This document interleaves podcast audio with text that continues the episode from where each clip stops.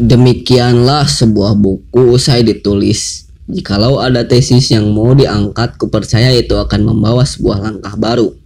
Pernah ada yang percaya bahwa gagasan ini punya kaki, bahwa di bawahnya ide itu hingga sebu semua pada akhirnya setuju kalau sebaiknya ide itu punya wujud. Ide itu diam-diam menangguk peserta dan penganut. Mungkin Lenin seperti kita tahu menegakkan revolusi dengan kepercayaan penuh pada gagasan Karl Marx bahwa sebuah revolusi itu bukan deretan argumentasi tapi kesiapan untuk organisir masa buruh. Para pendukung kepercayaan itu tak bertempat di Rusia saja. Keyakinan Lenin diulang di sini dan diteriakan dengan energi olah salah oleh salah satu di antaranya Tan Malaka.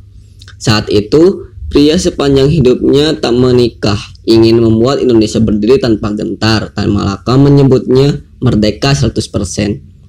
Baginya sebuah negeri tak dikos, disokong oleh semata-mata pertumbuhan ekonomi tapi juga nyali para pemimpinnya.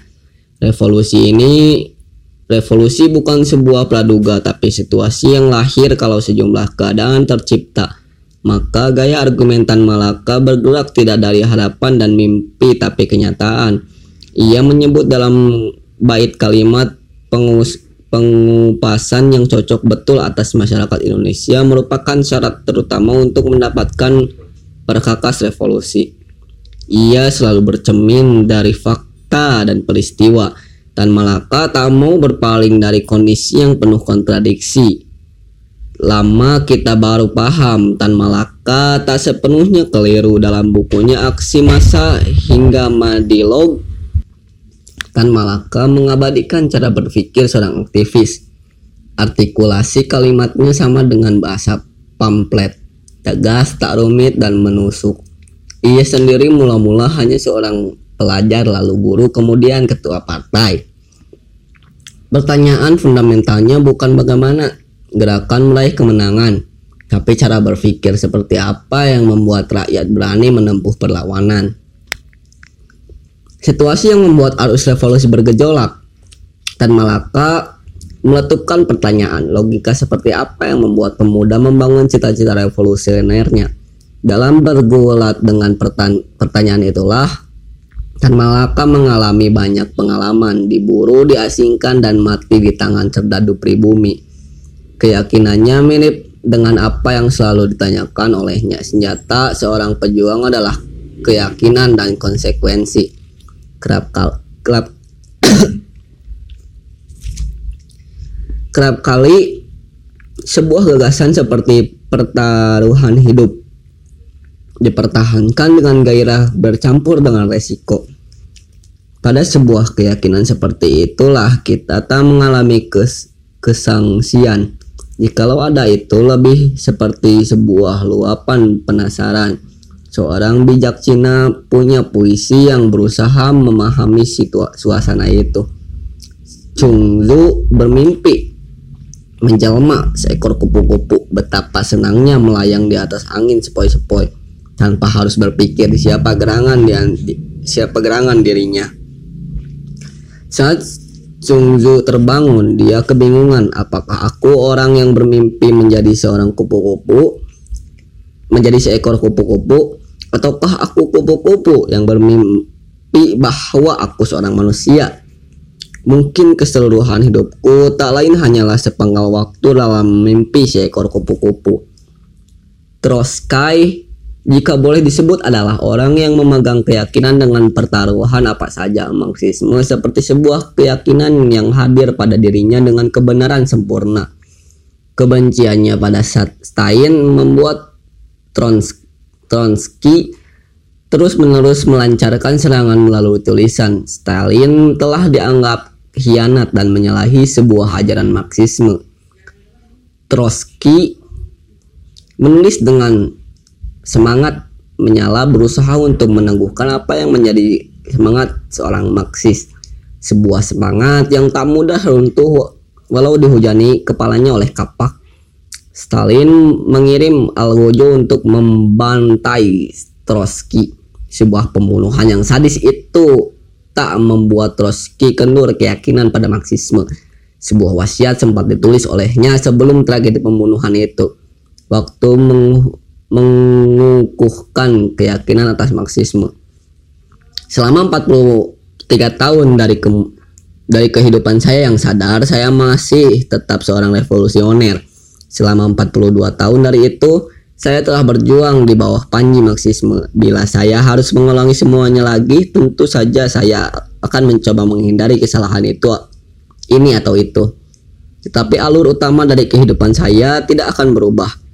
Saya akan meninggal sebagai seorang proletar revolusioner, seorang Marxis dan seorang dialektik materi, materi, materialis dan seorang ateis.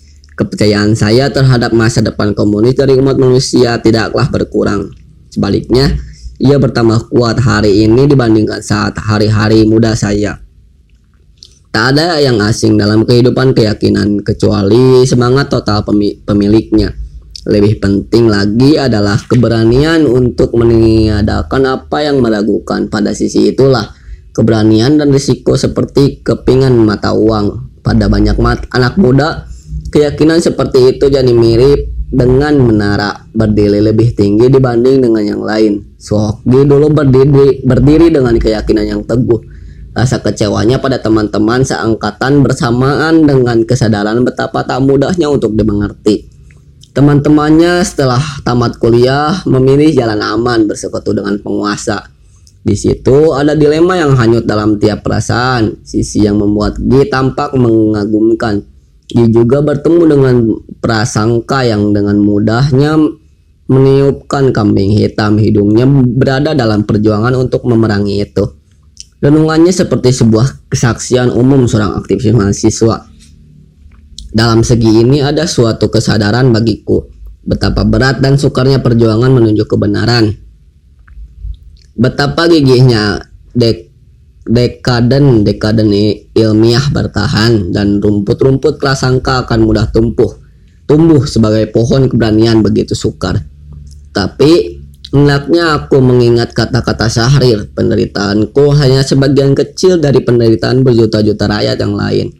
Dan perjuanganku untuk melawan pendangkalan ilmiah hanya sebagian kecil saja dari perjuangan ini sepanjang waktu dan sepanjang muka bumi. Gi meletakkan idealisme dalam timbangan resiko hidupnya seperti peluru melesat lurus tanpa kompromi. Tak ada yang disangkanya ketika maut menjemput hidupnya. Kematiannya dalam usia muda telah menancapkan apa yang selama ini jadi kerinduan para pejuang kemanusiaan menjadi martir Tak berselang lama ada banyak anak muda mengukir kematian yang lebih tragis ketimbang Gi. Mereka melawan kekuasaan tiran, tiran yang didukung oleh para star, oleh para serdadu. Tanpa rasa takut diucapkan kredo yang kelak akan bergema di jalanan. Hanya satu kata, lawan. Kutipan seorang penyair muda yang hilang tanpa jejak. Mereka meneguhkan kembali makna politik sebagai pertarungan klasik, baik melawan buruk baik melawan buruk di bawah bayang-bayang kekuasaan tiran itulah anak-anak itu diburu oleh pemerintah sendiri. Wiji Tukul mengabdikan kisah itu dalam bait puisi yang garang. Aku diburu pemerintahku sendiri. Layaknya aku ini penderita penyakit berbahaya. Aku sekarang buron, tapi jadi buron pemerintah yang lalim, bukanlah cacat. Pun seandainya aku dijebloskan ke dalam penjaranya, Aku sekarang terlentang di belakang bak, bak truk yang melancang kencang bat, berbantal tas dan punggung tangan. Kuhisap dalam-dalam segarnya udara malam langit amat jernih oleh jutaan bintang. Sungguh baru malam ini begitu merdeka paru-paruku malam ini sangat jernih sejenih pikiranku. Walau penguasa hendak mengerun mengeruhkan tapi siapa mampu mengusik ketenangan bintang-bintang. Sebuah keyakinan yang teguh tak mungkin hanya diolah melalui studi, mustahil membesar karena reriungan di kampus. Prinsip itu teguh karena bersua dengan kepedihan. Bersua dengan kepedihan, bercampur baur dengan peluh peluh buruh kaum miskin dan pelajar yang ditindas. Terciptalah sebuah risalah yang bergores maklumat bahwasanya kita tak bisa lagi berdiam diri di hadapan tirani. Seluruh bentuk tirani itu mustahil dihancurkan, dirubuhkan dan mula-mula harus dilawan. Jika dulu tirani itu serdadu, kini bentuk tirani melaju ke masa, ke mana saja. Di antaranya adalah kenaifan yang berujung prasangka di mana terdapat semangat untuk merasa diri paling benar dan sikap yang diungkapkan adalah penghakiman moral. Maka keberanian bukan sekedar mempertaruhkan resiko melainkan mempertaruhkan risiko melainkan penegasan posisi tak berlebih jika semangat gerakan meluap di jalan menduduki ruas jalan menyita pom bensin hingga secara berani tarung dengan aparat Sikap itu tidak tak muncul semata-mata karena nyali, tapi juga metode paling ampuh menyuarakan tuntutan. Ruang gerakan mahasiswa melebar seluas nyali dan tuntutannya teguh tanpa mau bergeser. Pijar keyakinan itulah yang bergolak dalam sebait puisi perlawanan yang ditulis ketika menolak kenaikan BBM. Puisi untuk penguasa. Aku demo karena telingaku dua tapi tuli tidak pernah mendengarkan aspirasi. Kau baru dengar suara kami ketika jalan tol aku kuasai, bandara aku kududuki, dan tangki-tangki BBM ku sandra. Kau punya dua mata, tapi dua-duanya buta. Kau melihat ketika aku ban bakar ban-ban, aku bakar pos-pos polisi, aku ba aku bakar semua keangkuhan rejimu. Aku bumi hanguskan semua berhala jabatan dan kedudukanmu. Aku punya kekuasaan, aku punya kemampuan, kau punya aparat, aku punya rakyat. Kau punya keputusan, aku punya jalan. Kau punya regulasi, aku punya aksi. Kau punya istana, aku punya darah. Kau punya agenda, aku punya rencana. Kau punya senjata, aku punya semangat baja. Kau punya amunisi, Aku punya berani. Kau punya penjara, aku punya jiwa. Kau menangkap, aku tak gentar. Kau memaksa, aku menolak. Kau menembaki, aku tak takut mati. Kalau kau berani, datang ke sini. Jangan kabur ke luar negeri. Sebuah puisi yang menggentarkan keyakinan. Puisi yang me, puisi yang merekam suara geram dari jahanam Itulah suara yang tak mau tunduk oleh keputusan politik dalam sikap yang tak ingin menyerah. Itulah suara itu jadi sikap resmi jalanan. Walau memang diacuhkan dalam tak dan tak dihitung dalam perbandingan, tapi itulah suara sah sebuah keyakinan. Jika kemudian keyakinan itu ditepiskan, tapi tak membuat suara itu hilang pendengar, suara itu memperagakan kembali apa yang selama ini jadi ke keresahan, apa yang selama ini dimusuhi dan apa yang selama ini dimatikan. Dulu itu tampil melalui sikap memusuhi, memusuhi apa pun yang berbau kiri. Jutaan orang ditangkap lalu dibunuh dengan keji. Kita sebut itu dengan tragedi 65 masa silam yang berbau darah dan korban dibiarkan begitu saja para pelaku dan korban hidup dalam dunianya yang gelap. Korban tak pernah bisa mendapat keadilan dan sang pelaku berdiri angkuh tanpa pertanggungjawaban. Sebuah situasi yang buntut karena tiap penguasa tak mau buka jalan persis seperti hidup dalam labirin tak berujung hingga kita lalu mengulang-ulang ke kejaman itu dengan lebih brutal terbiasa di antara kita untuk membunuhi satu sama lain seolah kebencian itu ada dalilnya dan tampillah tumpukan korban yang makin tak bernama. Kita hidup seperti dalam kutukan. Sebagaimana yang bilang Tocqueville karena masa lampau gagal menerangi masa depan kesadaran manusia mengembara dalam kabut boleh dibilang itulah suara suasana yang membuat kumpulan anak muda mirip serigala licik, oportunis, dan gila hormat. Berhadap-hadapan dengan kekuasaan modal yang berbau uang mereka seolah tersihir. Memuja apa saja yang tertampak menawan. Kekuasaan yang berbusana istana itu telah membuat mereka mempertaruhkan semuanya. kehormatan, kebenaran, dan akal sehat. Lahirlah manusia durjana yang hidup mengingkari takdir. Semasa muda jadi kesatria tapi ketika dewasa beru berganti rupa.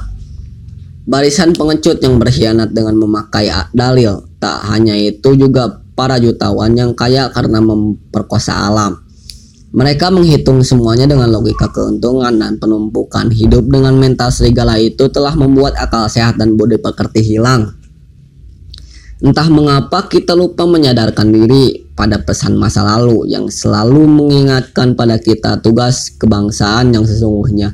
Sahrir yang mula-mula katakan kebangsaan kita hanya jembatan untuk mencapai derajat kemanusiaan yang sempurna, bukan untuk memuaskan diri sendiri kita sesekali bukan untuk merusak pergaulan kemanusiaan. Kebangsaan kita hanya satu roman dari pembangkitan kita pada kemanusiaan. Lagi-lagi karena mengembara dalam gelap itulah kita berada dalam suasana yang tanpa pertimbangan. Tapi kemudian para pemimpin yang menyadarkan segalanya bukan pada pembangkitan kemanusiaan tapi kepentingan diri sendiri Hiduplah para ilmuwan yang tak lagi melahirkan karya dan kurang mahir dalam mendidik. Mereka seperti kumpulan manusia bergelar, bergelar yang memalsukan pengetahuan untuk kepentingan diri. Itu mungkin sebabnya kampus berhenti menjadi lingkungan yang ajakan keberanian dan petualangan. Kampus telah jadi sarang nyaman yang mengisi pikiran anak-anak muda dengan logika mirip tempat hiburan. Buatlah mereka senang, biar mereka tak merasakan perseteruan. Bagikan pada mereka mimpi tentang kesuksesan yang dibangun dalam resep sederhana, tumpuk kepentingan diri sendiri, sembari percaya bahwa tak setiap urusan kemanusiaan itu bagian dari apa yang mesti kamu tangani. Muaranya muaranya lahir lahirlah sebuah kampus yang punya minat sederhana menyediakan pengetahuan yang dapat digunakan untuk mengisi lowongan pekerjaan. Arahannya melatih sarjana untuk jadi para pekerja dan siap untuk patuh pada pemerintah siapa saja. Maka tak ada bedanya mahasiswa dengan masyarakat umum. Keduanya butuh pekerjaan dan harapan hidup tentram. Sebuah keinginan yang gaduh hingga membuat bangsa terendam dalam kekacauan berlarut-larut. Rendra menyindir keadaan ini dalam puisinya manusia sekadar semak belukar yang gampang dikacau dan dibakar. Paket-paket pikiran mudah dijajah, dijajakan. Penalaran aman, amarah yang salah mendorong rakyat terpecah belah. Negara tak mungkin diutuhkan tanpa rakyatnya dimanusiakan. Tak dan manusia tak mungkin menjadi manusia tanpa dihidupkan hati nurani hati nuraninya. Kita kemudian tahu bangsa ini rindu cendikiawan yang tak menatap rakyat seperti kumpulan angka Siapa mereka? Mungkin seorang aktivis yang menjadi perantara sebuah dunia baru dengan mencurigai dunia yang ada saat ini. Dirinya akan berusaha meluaskan lingkaran keprihatinannya sembari tak mudah percaya pada cara-cara lama. Mungkin dirinya punya kemampuan untuk bicara dalam suara derita kolektif. Itu sebabnya dirinya akan senantiasa berinteraksi dengan gagasan-gagasan agung Dirinya berusaha sebaik mungkin, sebisa mungkin untuk menyuarakan kepentingannya dalam sebuah risalah ilmiah, jurnal berbobot atau tulisan yang membuat komentar ilmuwan besar. Julian ben, ben, Julian Bende sedikit angkuh mau bilang seorang intelektual adalah mereka yang kegiatannya pada dasarnya bukan untuk mencapai tujuan-tujuan praktis, tapi mereka yang menemukan kepuasan dalam mempraktekkan seni atau ilmu pengetahuan. Itulah sebuah kehidupan cendekiawan yang mirip dengan obsesi Descartes. Hendak disingkirkannya pikiran dari segala impuls-impuls yang tercela hingga semua aktivitas tak ingin tergantung pada kebutuhan badan. Keasikannya adalah mengolah pikiran hingga tertancap sebuah metode indah. Tidak mengetahui berarti satu langkah menuju pengetahuan baru sejak yang sajak yang pasti disukai oleh mereka sesuai ritme yang tak pasti. Aku datang entah dari mana, aku ini entah siapa. Aku pergi, aku pergi entah ke mana, aku akan mati entah kapan. Aku heran bahwa aku gembira. Pastilah pandangan ini berse, bersepeka, bersepeka, dengan kayak bersepakat dengan keyakinan Plato bahwa yang kita anggap dengan akal kita itu lebih nyata daripada apa yang kita anggap dengan indera kita. Persetuhannya bukan persentuhannya bukan lagi dengan derita yang nyata tapi konsep-konsep agung tentang manusia.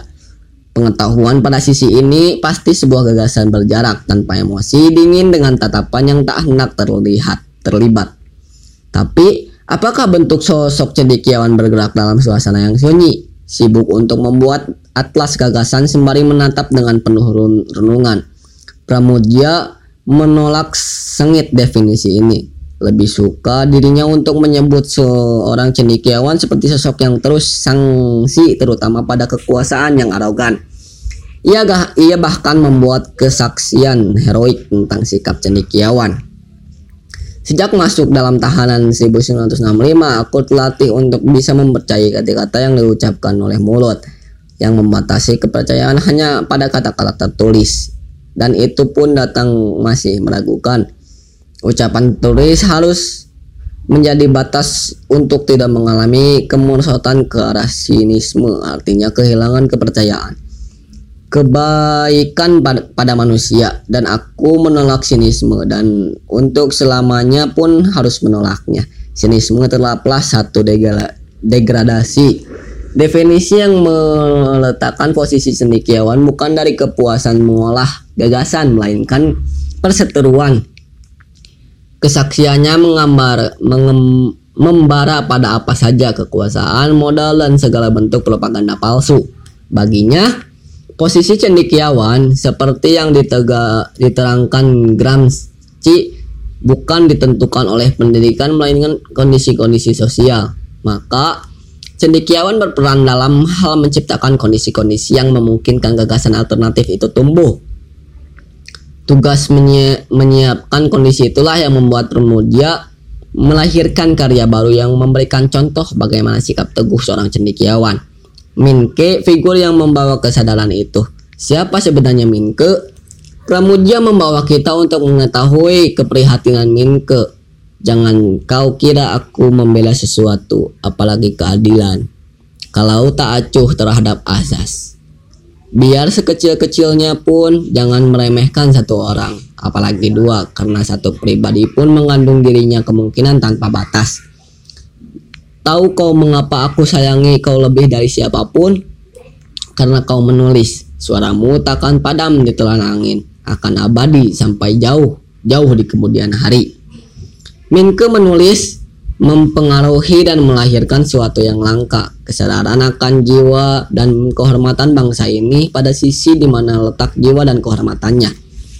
Letaknya ada pada keberanian untuk membongkar seluruh kesadaran palsu dan menciptakan karya kemanusiaan. Di sana mungkin butuh tindakan berani sekaligus rela jika kemudian ada rasa kecewa. A e tuh bilang hampir semua pahlawan Bram bukan sesuai yang meminta kemenangan gemilang melainkan seorang yang karena cita-cita terbaiknya mesti mendapatkan kepahitan, dan kekalahan yang nyeri. Itu mungkin sebabnya buku yang kutulis ini tak mampu memberi janji kebebasan, kebesaran. Toh, tak selamanya sejarah gerakan mahasiswa dikenang dengan takjub dan kagum. Beberapa menyimpan kegundahan, sedang yang lain lebih banyak menyimpan pertanyaan. Memang, sosok aktivis bukan pegawai yang dapat ganjaran jika bekerja loyal. Aktivis juga tak bekerja karena ada popularitas di balik sana. Seorang aktivis lebih mirip pribadi yang dilukiskan dalam sederhana oleh Chum Tai Il. Aku tidak tahu mengapa aku berperasaan haru melihat orang-orang menderita hatiku sedih dan sepanjang hari aku merasa tertekan karena aku sangat memahami menjadi papa. Dirinya selalu memanut kan dengan derita yang dipanggul oleh mereka yang kalah dan tersingkir. Perasaannya mudah tersentuh oleh ketidakadilan dan kewenangannya dengan berani jika mudah memutuskan untuk melawan. Pertimbangannya juga strategis atau tidak, tapi seberapa jauh tindakannya akan meneguhkan sebuah sikap. Sikap yang tak menyerah, kompromi dan kalah Bahkan kebenaran tak pernah bisa luka jika para pejuangnya tak menaruh dan membawanya dengan sembarangan. Kebenaran tak bisa kompromi bahkan pula tak bisa mudah dicampur baur dengan kebatilan sebuah prinsip moral klasik yang dibawakan dalam cerita harian Aye Saung ketika memutuskan untuk menjadi aktivis. Catatan ini merekam apa yang sekarang langka, konsekuensi, keteguhan, dan enggan untuk kompromi. Aye Saung meneguhkan sikap revol revolusionernya dalam sebuah tulisan yang pernah yang penuh keyakinan. Sejak pertama kali aku memutuskan untuk menjadi revolusioner, aku tidak pernah menyesali jalan yang kutempuh ini. Meskipun banyak pengorbanan yang telah kulakukan dan berbagai penderitaan yang kutangguhkan, aku selalu yakin akan kebenaran dalam menentang rejim militer yang berkuasa. Setiap pengalaman hanya memperkokoh keyakinanku mengambil jalan ini. Aku masih yakin bahwa suatu hari nanti revolusi akan membuahkan hasil baik. Meskipun aku tidak sempat menyaksikannya lagi. Aku cukup puas kalau dapat membuktikan bahwa perjuanganku ini benar adanya menimbang apa yang sudah terjadi kita menimbang apa yang sudah terjadi kita lalu bisa memahami perjuangan gerakan mahasiswa. Tak pernah ada kata putus. Biarpun ada pengkhianat para penakut dan mereka yang sudah tak lagi percaya. Tapi mahasiswa tetaplah berdiri dengan idealismenya. Sebuah sikap yang lebih menunjukkan campuran antara rasa percaya diri tak mau tunduk dan ingin mengubah. Walaupun ada yang sedikit takut dan bingung tapi Suara kaum terpelajar itu tak pernah mampu terdiam, direndam. Suara itu bukan lahir karena doktrin, tak pula muncul karena penindasan, tapi suara itu hadir karena keadaan sosial yang pengap. Suara itu ingin menembus kabut gelap kekuasaan ketika semua omongan penguasa dan politisinya tak pantas dipercaya lagi. Selama selamanya akan selalu lahir anak-anak muda pemberani yang memilih untuk berkata tidak ketimbang pikiran-pikiran dulu. Suara itulah yang percaya dipercaya oleh buku ini akan muncul bisa dari kampus mana saja. Jika suara itu muncul, maka gerakan mahasiswa akan membuat kembali sejarah seperti saat angkatan 98 yang membuat Soeharto tersungkur. Sebuah sikap yang tidak hanya melakukan kritik tapi juga meletakkan pondasi kekuat kekuasaan dengan rambu-rambu yang jelas. Jangan sampai militerisme terbit kembali dalam dan korupsi tak lagi jadi kegiatan umum para politisi. Keyakinan itu yang akan membuat gerakan mahasiswa menu, menuai dukungan dan menerbitkan harapan baru. Persis seperti yang dikatakan Mutatuli dalam kita bersuka cita bukan karena padi yang kita potong. Kita bersuka cita karena padi yang kita tanam. Itulah suara sesungguhnya dari fitnah gerakan mahasiswa. Sebuah suara yang tak hendak mengutuk kesunyian, suara yang juga ingin membuat pendengar yang dibesarkan oleh janji, slogan dan propaganda. Suara itu bukan suara seekor serigala dan budak. Suara itu suara orang merdeka pada ujung ini. Pada ujung inilah aku ingin mengakhiri refleksi ini dengan mengutip sebuah puisi yang ditulis oleh Muhammad Iqbal. Puisi yang memberi pesan akan akan Puisi yang memberi pesan akan apa arti jadi seorang mahasiswa, bukan kumpulan budak yang patuh tapi manusia merdeka yang memiliki semangat dan keyakinan yang bulat. Manusia merdeka yang selalu memin meminta pengalaman meminta pengalaman baru dan tak mau sedikit pun menyerah pada keadaan. Puisi ini diberi Iqbal judul Budak atau Orang Merdeka akan kusampaikan padamu kisah yang kisah indah bagai permata agar dapat kau bedakan antara budak dan orang merdeka. Budak punya kebiasaan mengulang-ulang.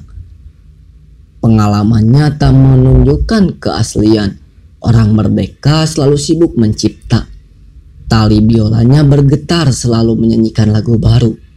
Kebiasaannya menghindari pengulangan-pengulangan Jalannya tak berputar seperti jarum jam. Bagi budak waktu adalah belenggu. Bibitnya tak henti-henti menyesali nasib buruknya. Keberanian orang merdeka jadi bahan pertimbangan takdir. Ia adalah tangan yang menciptakan peristiwa-peristiwa.